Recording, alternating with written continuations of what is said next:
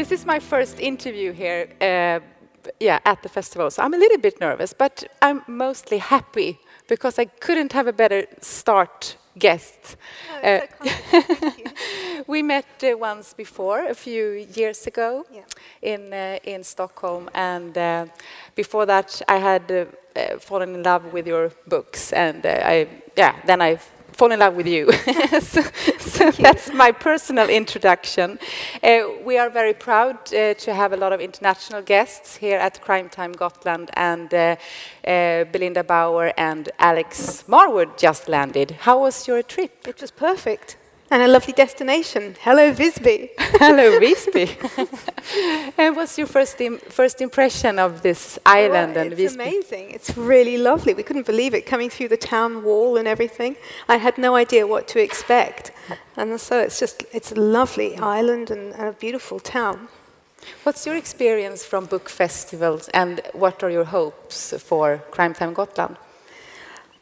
Every festival you go to is different and that's what makes them so lovely. And all the people and the, the audience is always so different.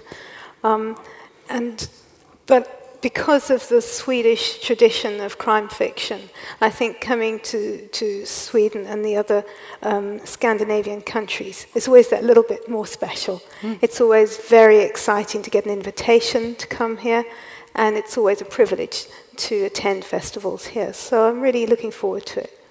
What's your relation to Scandinavian crime? I really have none. Really? I really, I really have no relation to Scandinavian crime except to revere that they've taken a, a genre which is so um, has such a history, particularly in Britain, and have made it their own.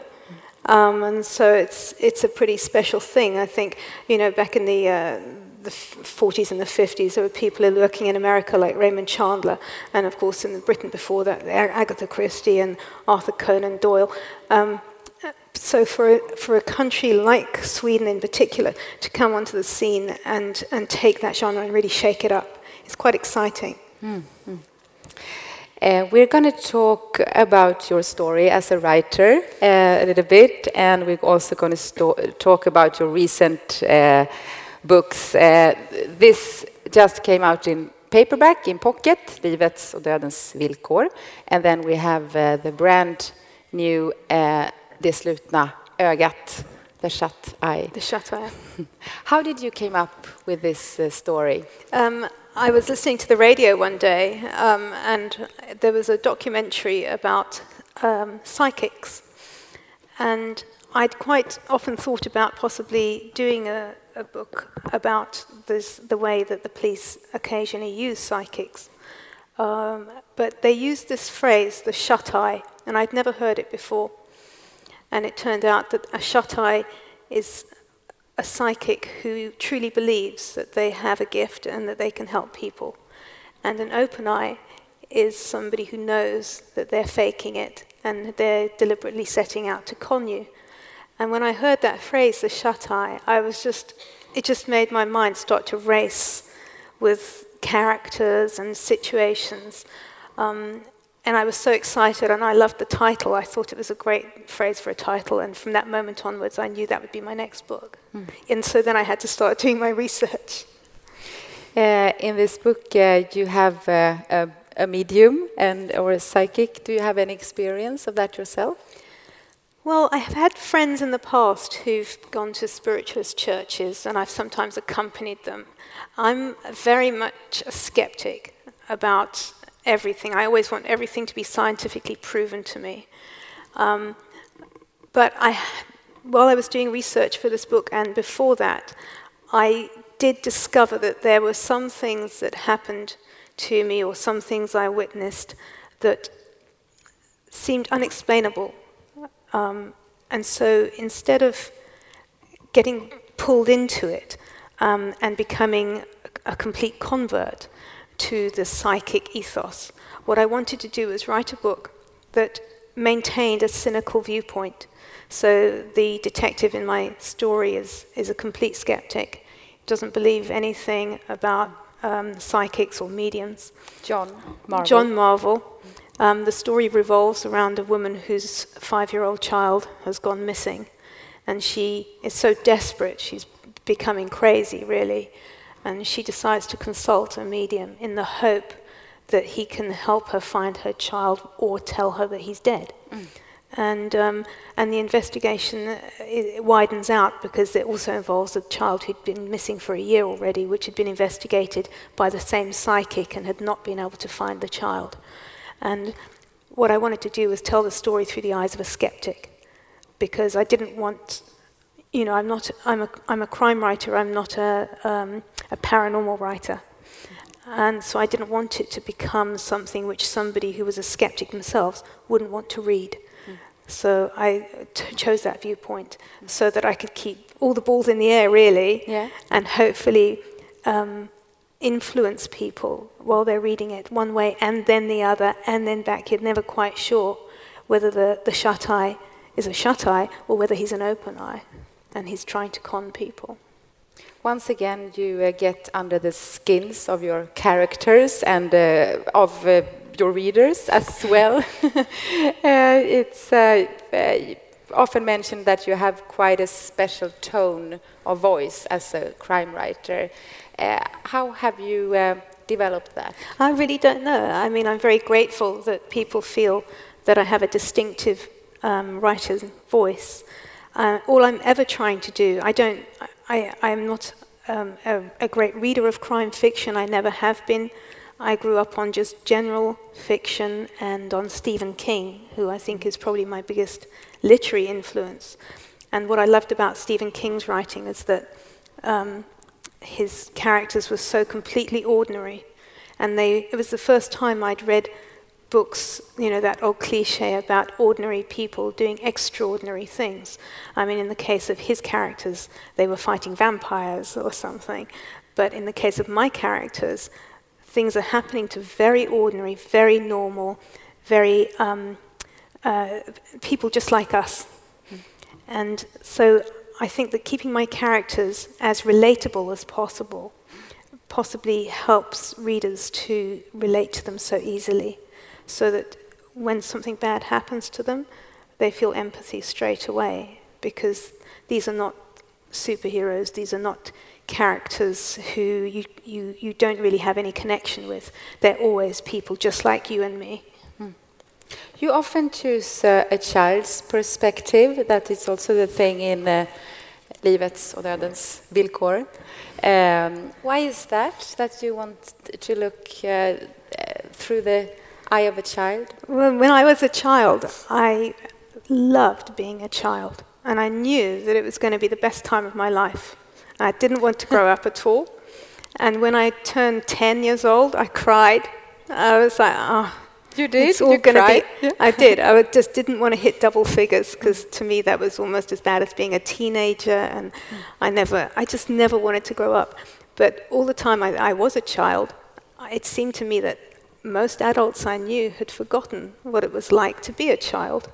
And they used to say stupid things and assume that I knew things or assume that I felt a certain way. And it really upset me that I felt I was going to lose what I was feeling was the best time of my life when I became an adult. And so I always promised myself that I wouldn't forget what it was like to be a child. And I just haven't. Mm. And so when I write my books, I do gravitate naturally and very easily towards the child's point of view.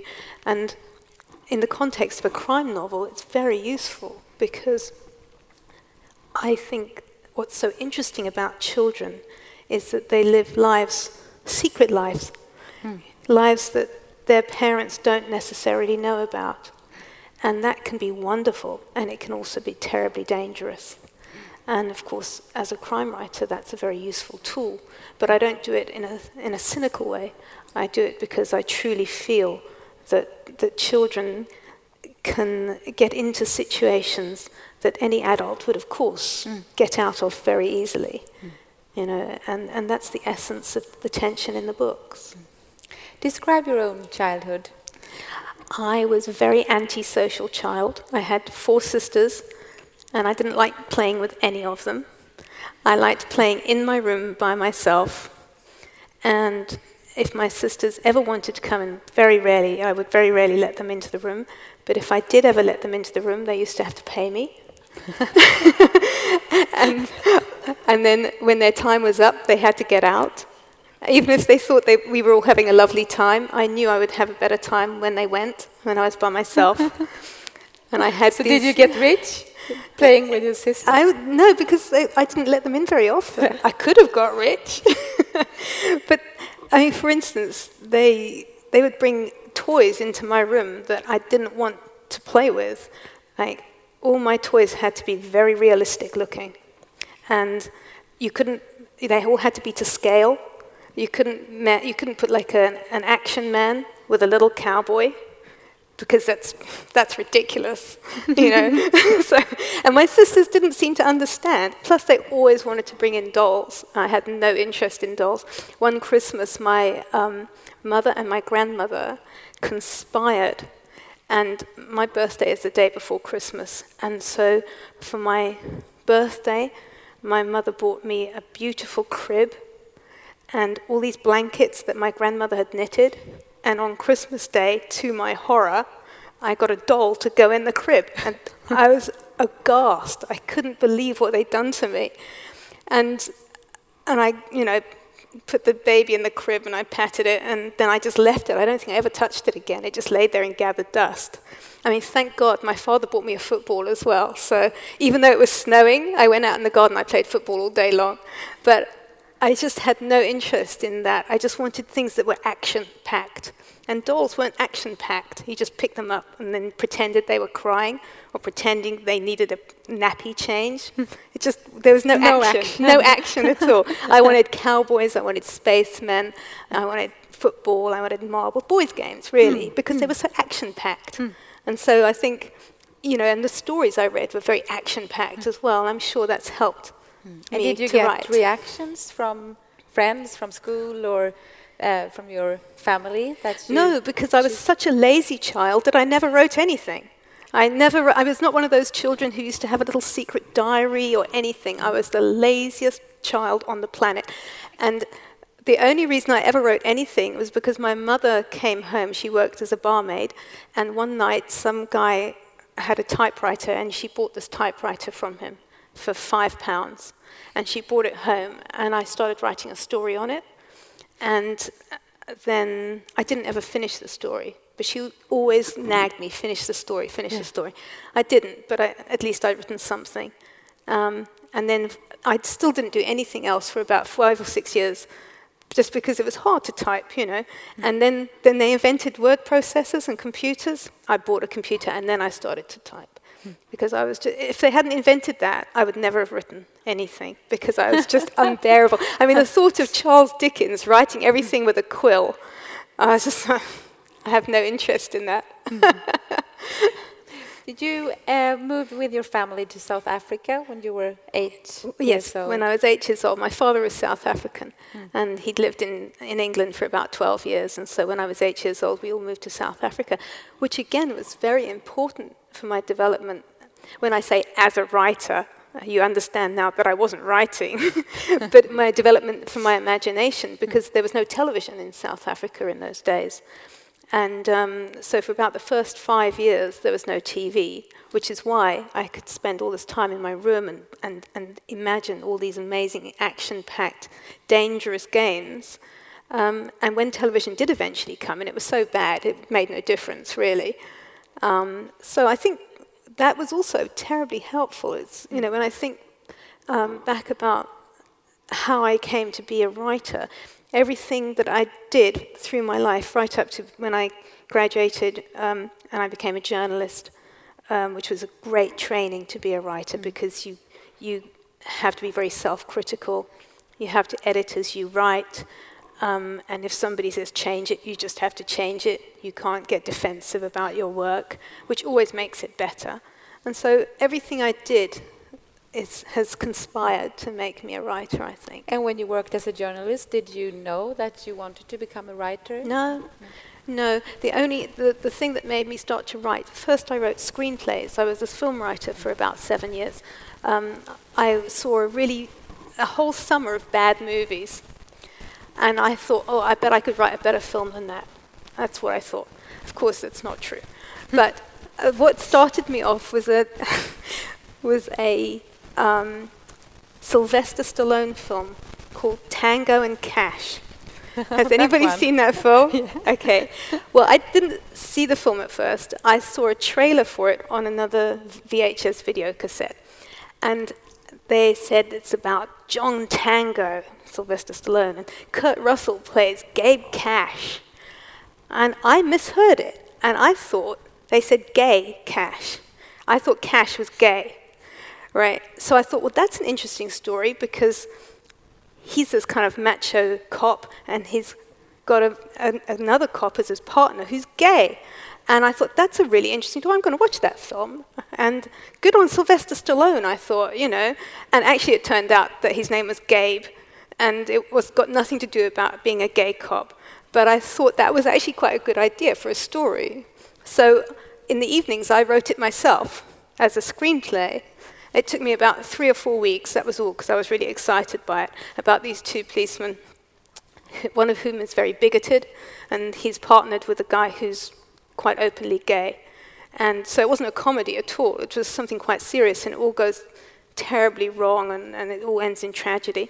And the day that I finished writing that script, I saw a competition advertised um, for screenwriting, and so I entered it, and I won it with that script. Mm. So again, just lucky, really. You kind of, but of course, you make your own luck, hmm. don't you? And that's how I got started, just by mishearing something on the television.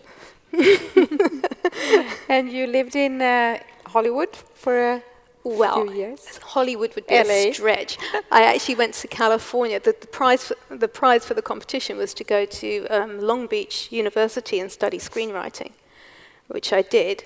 Um, I worked in Hollywood as a, a reader for a producer called Dan, and then that really opened my eyes as well to how many bad scripts there are in Hollywood.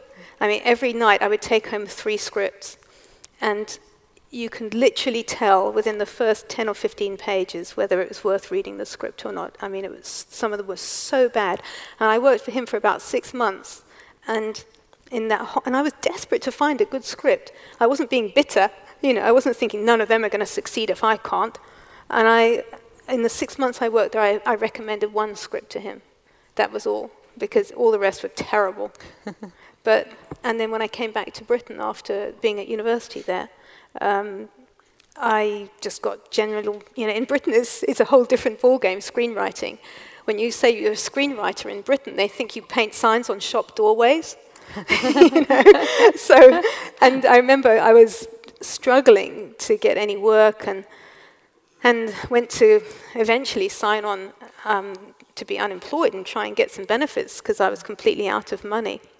And the woman on the computer said, Well, what have you been doing? And I said, Well, I, am a screenwriter. I had actually worked for about five or six years as a screenwriter by then. Yeah. And, um, and she said, I said, I said, but I don't, you know, obviously I'm not looking for a screenwriting job. I've got an agent. I said, but, you know, any job, I'll take mm. any job. And she looked on her computer and she said, we don't have any screenwriting jobs. I said, I don't, you know, I'm not asking for a screenwriting job, any job. She goes, because it's not a realistic job option, is it? and I said, well, you know, in some places it is. But and were you desperate by then? Could you pay the rent? Or, uh, you know, I'd, what I did was I worked for some years as a screenwriter. I got one film made in seven years. Um, you can still earn a living as a screenwriter, but it becomes very soul destroying because you know, each of these books I write, I really put everything into them. You know, emotionally, they really, I really work hard on them emotionally. And I used to do that with scripts, but then they would just disappear. Nobody would ever read them. Nobody would ever say, oh, yeah, that was a great film, because it was so hard to get films made in Britain. So I, was, I took the year off eventually to write my first book, Blacklands. Yeah.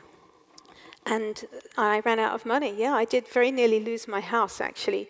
I was about a month from being unable to pay my mortgage, and I'd borrowed some money from somebody, and when Blackland sold. So, but I, I think writers have to have that kind of commitment to them, to you know, to their own work. But you also have to be very self-aware. You have to be aware of whether you're you have any talent or not. And that sounds like a pompous thing to say, but all I can say is being a journalist makes you makes you understand whether you can do the job or not. Mm. And being a writer, you have to you have to understand that. Otherwise, you could really end up in trouble. You know, thinking that you you've got a, a, a quality piece of writing when you haven't, and people keep telling you that you don't have. It takes some feat of confidence to keep going. So you'd better be right. mm. And your mother told you to keep going. My mother yeah? told me. To, my mother's always right. She kept saying to me, "Don't write screenplays because it's so hard to get the films made. You need 200 people. You need millions of pounds, all this kind of stuff." She said, "Just write a book." Mm. And so uh, finally, I was going to write this really big story, a book, um, a series of books by Enid Blyton, which are very popular in Britain, called The Famous Five. Yep. And okay, so yeah. I was going to write the Famous Five movie, and I thought, wow. this is it. This is my ticket to Hollywood, mm. you know. And it all fell apart at the last minute, and I was so, so distraught because I was so tired after all those years of writing and not getting anything done. I thought the next time I come up with an idea, I'm going to write it as a book. And of course, my mother still tells me to this day, I told you so. and your first novel, Blacklands, uh, Mörk jord, Många har läst den. Sorry for speaking Swedish. We're in Sweden. uh, won the gold dagger. I mean, uh, that's spectacular. Yes, to, it was. To it start was. like that. It was an amazing. It was an. Anyway, it's down. waist down. How did you? How do you remember that start? Um, well, it was just so exciting. You know, having been so poor and so close to everything ending in disaster, just to have the book sold was exciting. Um, and then it just took off so amazingly well, um, and I was just thrilled with it, absolutely thrilled. And and then I was nominated for the Gold Dagger, and everybody was excited. And it just was a blur. I really was. But to, one of the nicest things about winning the Gold Dagger was that um, when I was at the ceremony, um, Frederick Forsyth was also there. And when I was thinking about writing a book, I'd got the idea for Blacklands, and there was about a three week period between getting the idea and thinking, this is a really good idea. A boy who's trying to find the body of his murdered uncle, and he decides to write to the killer and ask him where he's buried the body. I thought, this is a really good idea. But then there was a three week period where I just sat around and thought, but I can't write a book. How do you write a book? I'm not sure I can write a book. I've never written a book. All this kind of stupidity that goes through your head. And one day, I turned on the television, and I'm not lying to you. I turned on the television, and Frederick Forsyth was on the television. And somebody, as I turned on the TV, somebody said, How do you write a book? to him. Really? And he said, he looked straight into the camera as mm. though he was talking to me, and he said, You sit down and you write 2,000 words a day for 50 days, and that's a book. And I turned off the television like that, and I thought, well, I think I could do that. and the next day I started writing. So you needed an expert too. Exactly. It, it's so simplistic. Mm-hmm. And it, even now, sometimes, you know, you get stuck on a book or something like that. Mm. And, and you, you think to yourself, well, how am I going to get through this? And mm. it's such a big task, and I've lost my way. And then you, I think of Frederick Forsyth saying, you know what, you sit down, you write 2,000 words a day for 50 days. Mm. And that's, that's a book. They don't write themselves. You have to, you have to sit there and you have to do it. Yeah. What do you think of that kind of coincidences? I mean, that you put on the great. TV. At, I mean, but you see, things like that happen that's all throughout, all through our lives, I suppose, but you only notice it when it means something to you. And I was just in the right place in my life where I needed that one piece of advice. I told Frederick Forsyth this when I met him at the Dagger Awards, and he was very tickled that, that he felt he'd given me the impetus to write. Yeah. And he, I think he thought I was um, just being, you know, kind of like ingratiating towards him. But it's absolutely true. If, with, if I hadn't seen that interview at that moment and he hadn't been ask, answering that question, I might still be sitting there wondering how I could write a book six years later. Describe a typical writing day nowadays. Okay, well, I get up, I take the dogs out for a walk, I have some breakfast, I have to watch Everybody Loves Raymond on the television because I really like that show. and then I go and start work at about nine o'clock. And, um, and really, I just, I try to sit there until two o'clock, you know, even if it's not going well. On a good day, I can write 4,000 words in that time. And on a bad day, I'll do 500 and I'll have to dump them the next day. But I really do my best to sit there and get those words down. And sometimes, occasionally, I have to just walk away from it and say, you know what, I'm just complicating things here. I need to actually think it through better than I have done. And that's what, you know, being a journalist has done for me is you have to edit yourself. You can't, you can't say, oh, well, look, I've, I've done 6,000 words on, on this character. I can't change him now. You have to. You have to change. You have to do what's best for the book. Mm. Describe your writing desk. If do you have one? I do, but you can hardly see it because there's so much mess on it.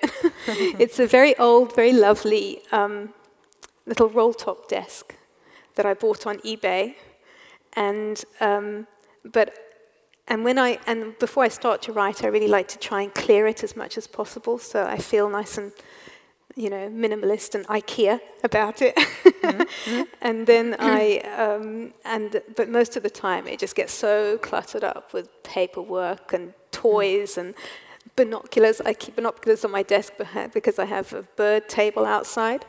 And if I see a bird I don't know, I have to get the binoculars out and, and check it in the book. I have a whole bunch of stuff that I use to distract myself from working. so, you know, it's, it's a bit of a cluttered workspace, mm. but I love it. And your boyfriend, you told me last time when I interviewed you, he's also kind of a distraction. So you have told him that he's not allowed to yes. come and visit you. Yes, he's very like often. My, he's like my sisters. He must just get used to it. I just say to him sometimes. I say to him, and he understands. He's great. Yeah. I mean, I say to him, you know what? I've got three weeks to finish this book. I can't see you for three weeks. And you know, he's. It took a little while to train him, but now, but now he says to me, well, you know, I don't pay your bills um, say, You're right, you don't pay my bills. and he's great. He's mm. great about it. He understands. Mm. And he's a great reader too. And so he always reads my books first and, and he's honest with me if they're not working, you know. Mm. On your website, you have a fantastic introduction of yourself and your books, I think. Uh, you say that life is a river and crime is the rocks. What do you mean by that? Well, if without crime, imagine all of us would go through our lives in a completely different way.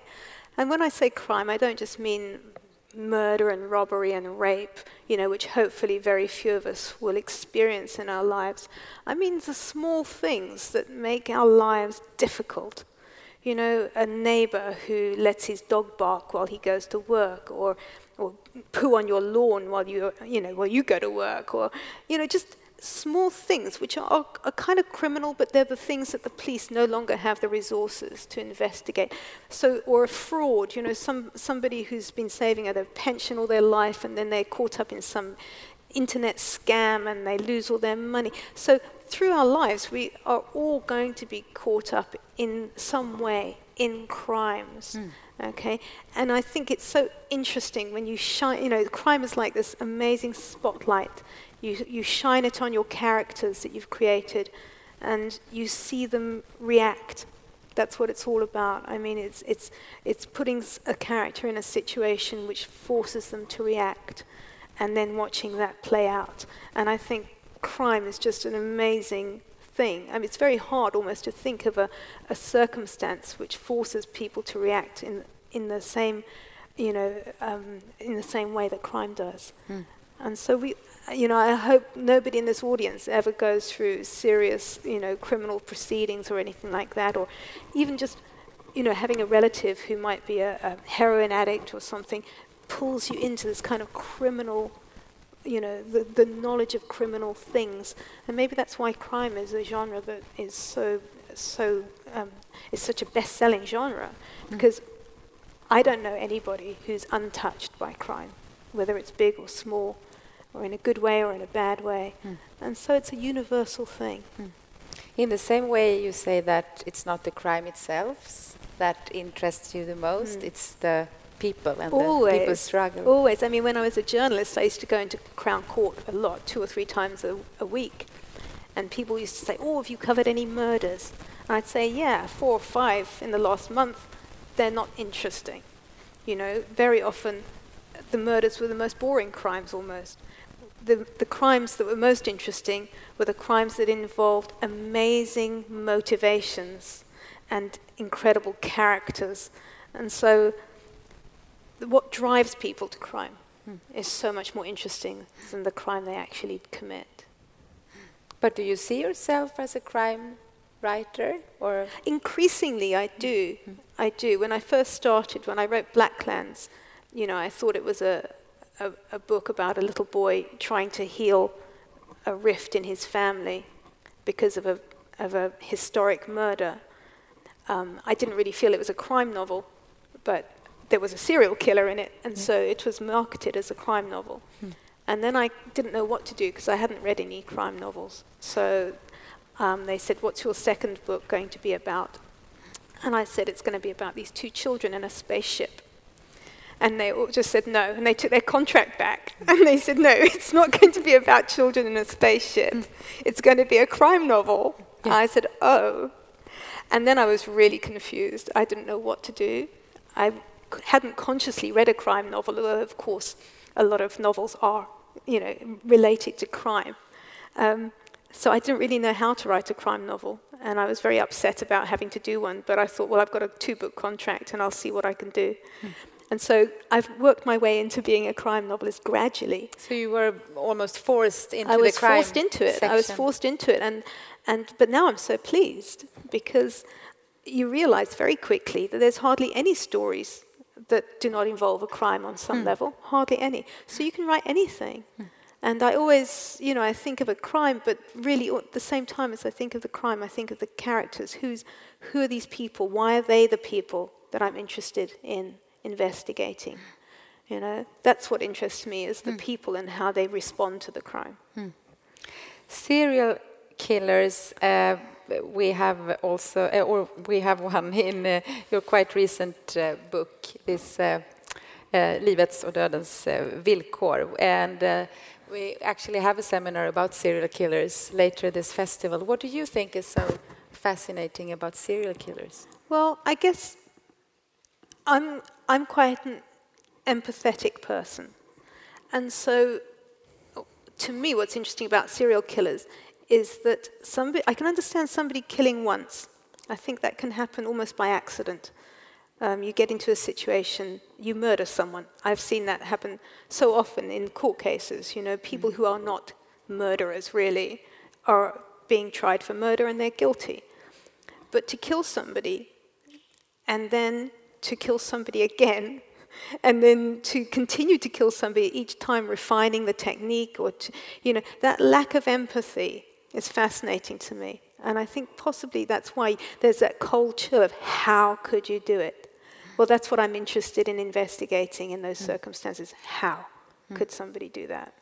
And, you know, in, in you know, I've written the, um, books from the serial killer's point of view where you understand how. Um, but I've also written books where you don't understand how at all. You don't understand what, what made this person the person they are. Um, so I, in, I enjoy investigating every character hmm. as though they are a, a complete three dimensional character. And, and the only time I have deliberately not done that was in my first book, Blacklands, where the, the killer is a, uh, he's a serial killer, he's a pedophile.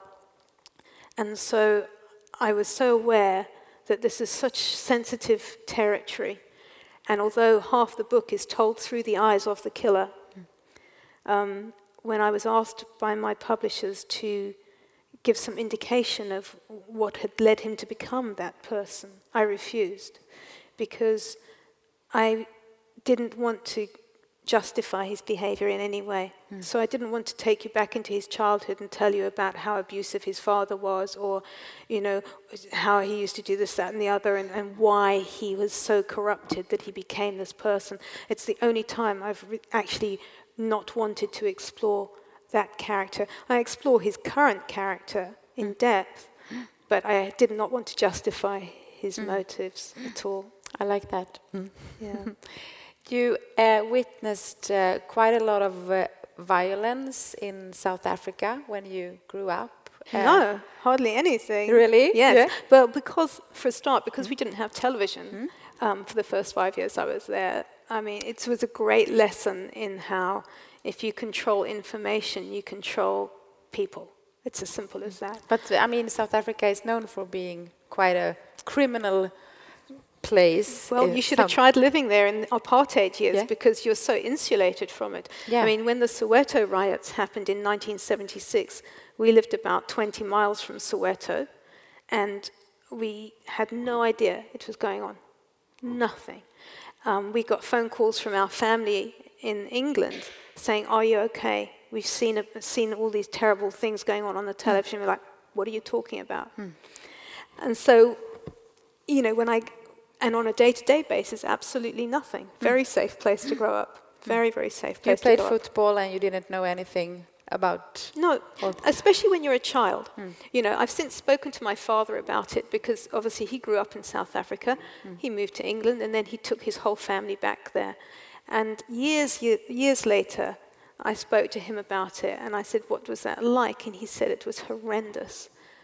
He said, You have no idea because, you know, when, you, when you're in a situation, especially as a child, when you're brought up in a situation, you, that's the norm for you. You mm. don't question it. Mm. You don't say, you know, this is awful, unless somebody, an adult, says to you, you know what, this is wrong. What's mm. going on here? This is wrong. If, if adults don't say that to you, why would you suddenly come up with that idea yourself? Mm. Okay, so you just accept it as the norm. And it was only um, when I left South Africa, went back to England when I was 18, and then I went back about six months later for a holiday. And it was horrendous. I was so shocked by what I'd been living through mm. and how nobody else seemed to be able to see it. Mm. And my father said he felt the same way, even though this was his homeland he was coming back to. He had had his eyes opened by living somewhere else in a different kind of society. And moving back to South Africa, he said the only reason he stayed was because he'd spent all our money moving us to South Africa and he mm. had to get a job and make money. And, you know, so we spent 10 years there and it was a most amazing experience. It was, a, it was, in retrospect, it was an eye opener, but it's very easy to see how any system um, can, can become completely corrupted and racist and just wrong if you control information. Mm. Because if you don't tell people what's going on, then mm. they don't know. Mm. Do you want to move back to South Africa? No. no. I wouldn't want to move back. I'm, I'm English. I was born in England, mm. and so well, I say that, but I live in Wales. Yeah. but you know, I'm, I always, even when I lived in South Africa, I always felt like I should be coming mm. home. So I was quite happy to come home.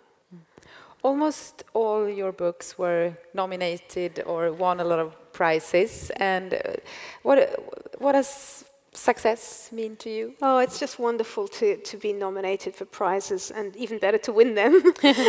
but it's what it does, it's, you know, you spend so much time by yourself, which I'm not complaining about at all, but to get the affirmation that other people are reading your books and really loving them, mm. and loving them a lot, and that your peers are also appreciating your work. Mm. It's just, it's really precious because continuing to, to write, after, I can understand a lot of people writing one book. You know, they say that everybody's got one book in them. Mm. And I can understand that. But to continue to write a book a year and to try to do your best with every single one, especially when you know that you've won prizes mm. with previous books. So mm. you, the bar is quite high all the time. Mm. And you work so hard to keep a standard. Are you, know? good at handle the pressure? Um, I'm reasonably good. Again, I think because I was a journalist for a long time, I'm reasonably good. But you do, you have crises of confidence.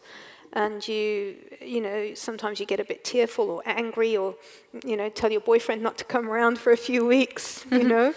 And so when you finally, you know, the book is released, I'm always convinced that it's going to be horribly reviewed and everybody's, well, Belinda Bauer's lost her touch and all this kind of stuff.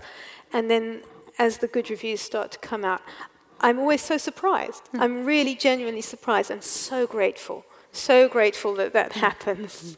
Hi. We are so uh, happy that you came all the way, and uh, you're going to to spend a few days with I us am. here at the festival. You're going to have uh, one seminar uh, together with uh, Alex Marwood. Marwood uh, about uh, British crime.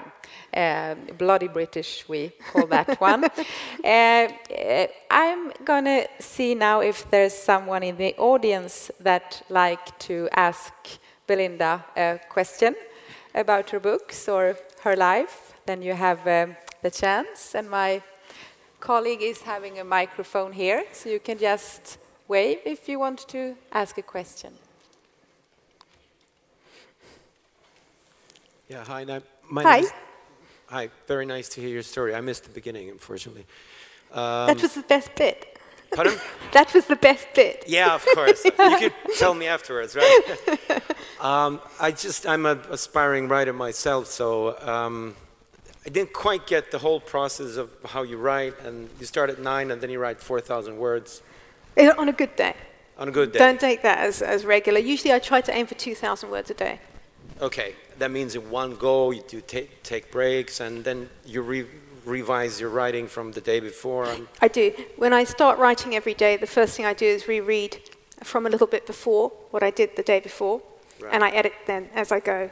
You know, you, you know what? You, you just want to fine tune it and make sure you're using the funniest word or the, you know, the most emotional word you can, or, or you think to yourself, somebody wouldn't really say it that way. I think I just have to rejig that. So I can take an hour um, to just rework what I did yesterday before I actually start on new stuff.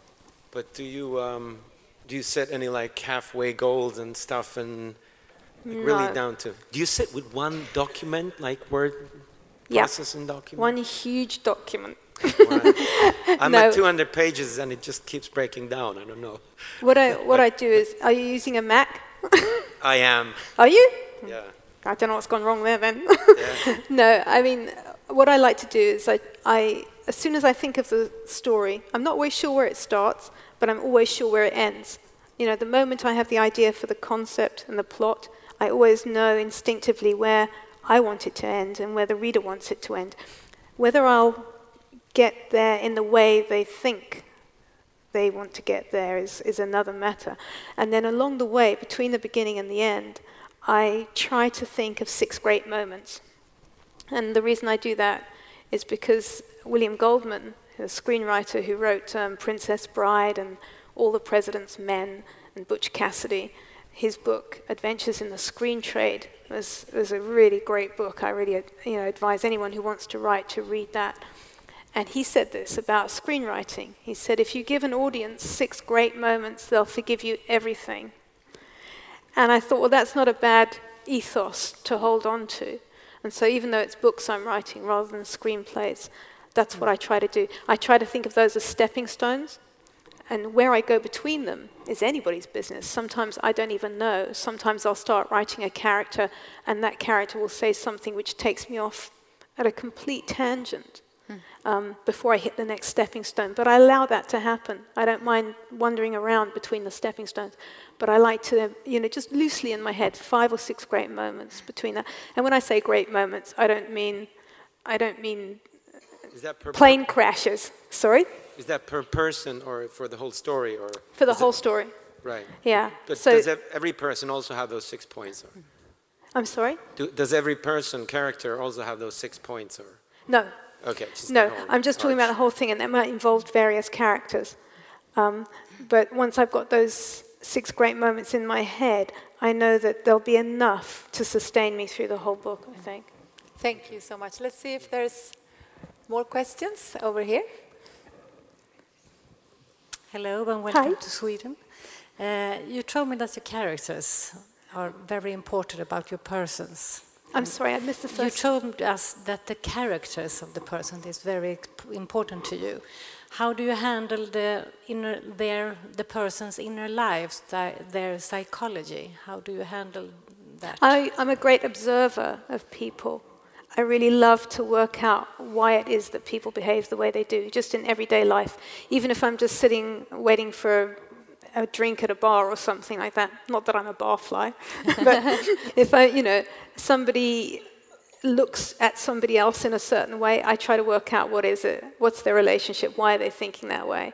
I just do that to everybody all the time. so I think that's what helps me to to imagine realistic characters. I just want my characters, well, they do for me. Even after I finish writing a book, my characters are still continuing their lives because they're real people. You know, in just the same way, we're all in this room now, and you've just had an interaction with me, and then we'll go outside, and we may never see each other again. But everything that you've done in your life has brought you to this intersection with me, and everything that I've done in my life has brought me to an intersection with you, which may last one minute in our entire lives. And yet, things happen in that minute that may be memorable, or they may be completely forgettable, or they may change the course of both our lives. And that's, and that's people might say that's coincidence. I disagree. It's not coincidence. It's something which happens all the time to each of us. It's the pattern of our lives. It's how we unfold as people. Mm. And that's really interesting to me. I think we have time for one more. And there was a lady there yes, had her hand up. Yeah, over there. Yeah.